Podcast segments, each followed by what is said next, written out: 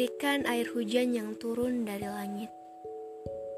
Membawaku ke dalam sebuah pengalaman indah bersamanya. Menari-nari di bawah tetes demi tetes Air yang terus mengguyur tubuh ini. Aku ingat sekali pengalaman yang berkesan dengannya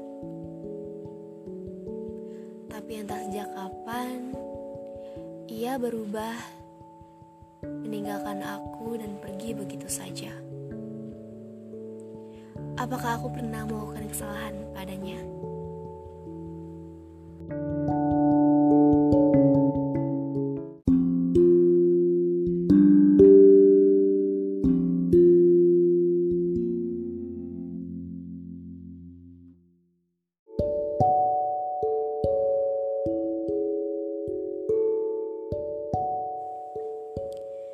Sebuah nada deringan yang tak teratur itu membangunkan Dinda di hari libur yang indah. Saat Dinda sedang bermimpi menjadi sebuah putri kerajaan bersama seorang pangeran yang tampan menemaninya. Silau matanya saat melihat sebuah kaca yang terdapat cahaya dan masuk dari arah ventilasi dan jendela kamar. Belum diangkat ponsel itu, ia kira ponselnya akan berhenti memberikan nada dering, tapi ternyata Halo? Siapa ini?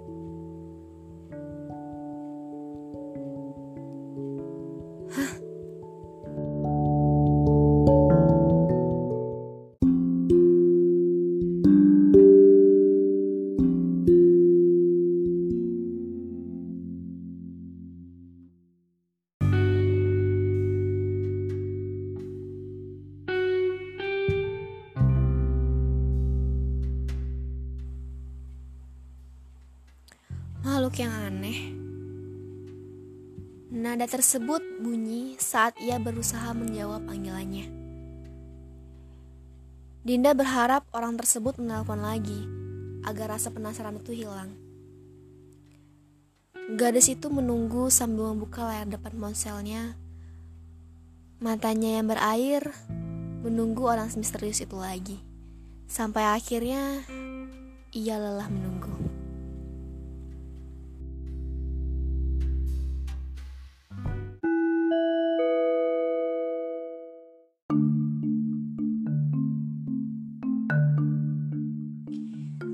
Pintu itu terdengar saat ia mendengarkan sebuah lagu yang sesuai dengan perasaannya kini. Pintu itu terbuka secara perlahan dan terlihat Vina melihat Dinda yang sedang memakai piyama dan headset di atas tempat tidur.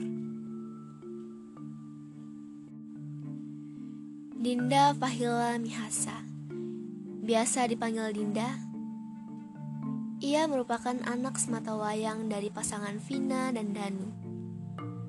Keduanya bekerja sebagai pembisnis, lebih tepatnya Danu di bidang kuliner dan Vina di bidang desain. Terbukti pada saat ini Danu memiliki banyak restoran di Semarang dan empatnya sedang dalam rancangan di beberapa titik daerah yang berbeda. Sedangkan Vina memiliki dua butik yang semuanya berada di Semarang. Mereka sekarang menetap di Semarang. Dikarenakan kota ini merupakan tempat kelahiran ibunya. Meskipun Dinda merupakan anak semata wayang, tapi ia tidak pernah merasa kesepian. Meski semua orang tuanya sibuk. Tapi beda dengan akhir-akhir ini. Dinda merasakan hal yang sepi.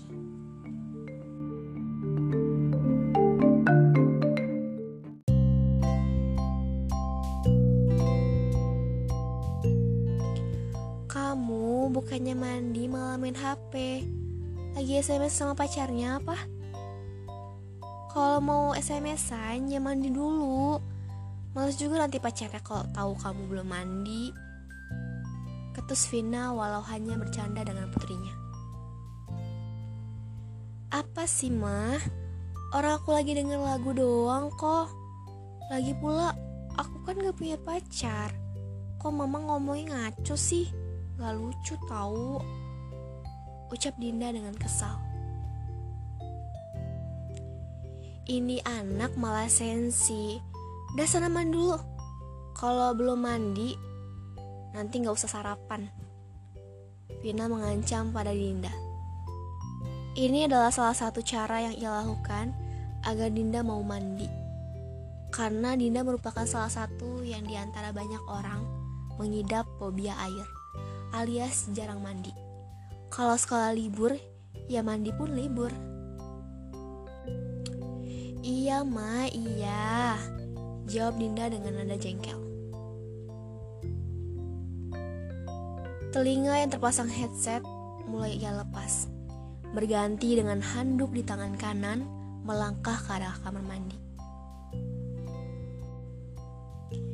Lirik dan syair yang dia dengarkan tadi, ia senandungkan dengan mikrofon yang berubah menjadi sikat gigi. Ia menikmati lantunan suara yang keluar dari pita suaranya. Ia sempat dipuji oleh Vina yang mengatakan suaranya hampir menyerupai penyanyi Raisa. Hal itu membuat Dinda menjadi senang walau itu yang dikatakan Vina tidak benar adanya.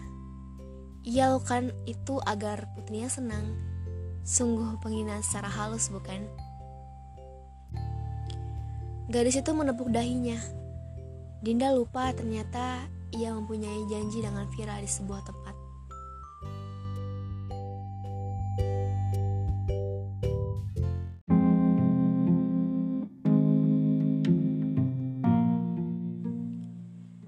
Siap-siap Dinda berdandan merapikan pakaian dan tempat tidur. Lalu mengambil sling bag dan ponselnya. Terlihat ponselnya berdering kembali menandakan pesan masuk. Gadis itu membuka pesan dari ponsel tersebut. Kesalahan seseorang tidak bisa dilupakan saat engkau mulai memikirkan hal tersebut setiap waktu. Pernahkah kau memikirkan diriku?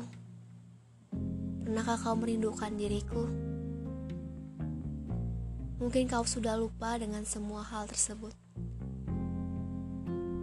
Aku lebih takut hidup daripada mati yang hanya bisa merindukanmu setiap waktu.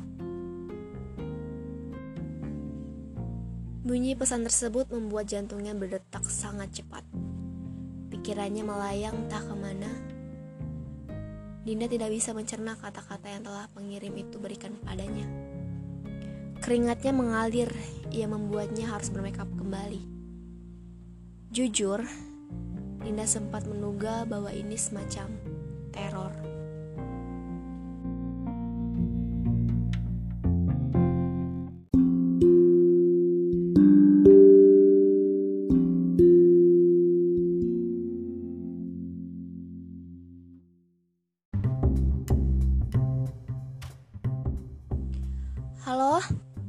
Din? I iya, iya Vira kenapa? Jadi nggak kita ketemu di taman? Udah gue capek-capek nunggu ini, ntar gue hitam lagi. Hah? Uh, ntar ntar gue otw 15 menit lagi kok. Cepet Dinda, capek gue nungguinnya. Iya Vira, sabar ya. Tunggu bentar kok. Uh, oke okay, oke. Okay. Tangannya lemas dan tubuhnya pun sudah tidak lagi menompang pikiran itu. Seolah-olah menjadi sebuah bumerang yang dilemparkan. Tapi Dinda paksakan untuk bisa bangkit dan melangkah kakinya menuju taman depan komplek perumahan menemui Vira.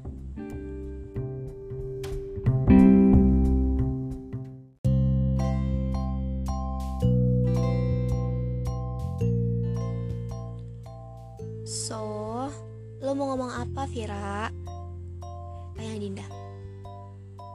Um, Gini gini. Gue cuma mau bilang kangen. Jawab Vira Anjir.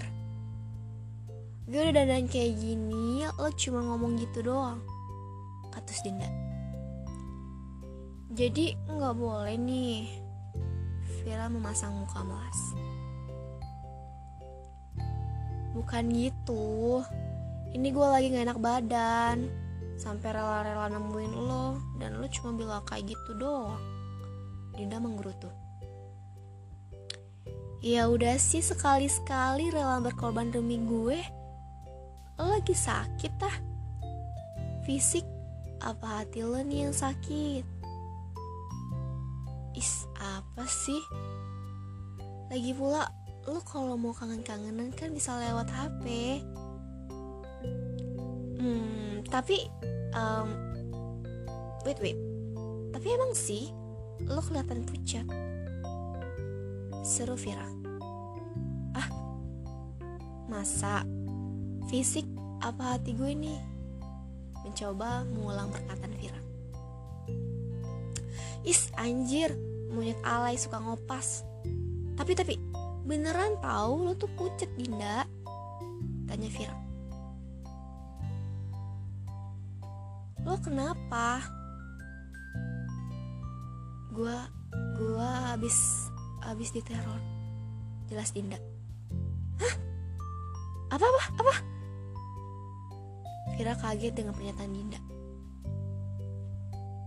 Iya, tadi itu gue dapat SMS dari orang yang suka nelponin gue dan uh, pas gue angkat eh dipatiin sama dia. Jelas Dinda. Apanya? Tanya Vira. Yang membuat Dinda jengkel atas sikapnya. Yang super lemot tapi bisa lebih pintar dari dirinya Teleponnya lah Vira Ih Jelas Dinda sampai greget sendiri dibuatnya.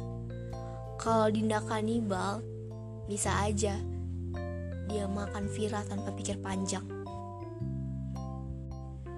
Oh Coba sini lihat SMS-nya Dinda memberikannya. Mau gue bantuin gak cari anaknya? Ajak Vira Emang lu mau? Ucap Dinda sambil duduk dengan tegap kembali menatap Vira dengan senang. Orang gua nawarin, pasti mau lah. Jelas Vira. Ya udah. Gue mau banget Vira, bantuin gue ya. Dinda memeluk Vira dengan erat. Ih, lepasin, lepasin.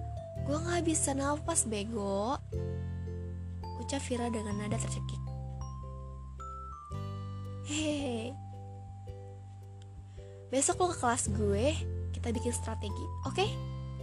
Jelas Vira dengan merubah sikapnya Seperti Power Rangers Bagaimana bisa manusia senyebelin dia bisa berubah seketika menjadi seorang pemimpin dari masalah itu. Satu kata buat Vira, aneh. Um, Oke, okay. besok. Ya besok lah Dinda, mau kapan lagi? Oke. Okay. Mereka berpisah di sebuah taman dan pulang ke rumah masing-masing. Dinda masih saja tak percaya bila melihat pesan tersebut dan menduga-duga siapa yang mengirimkannya.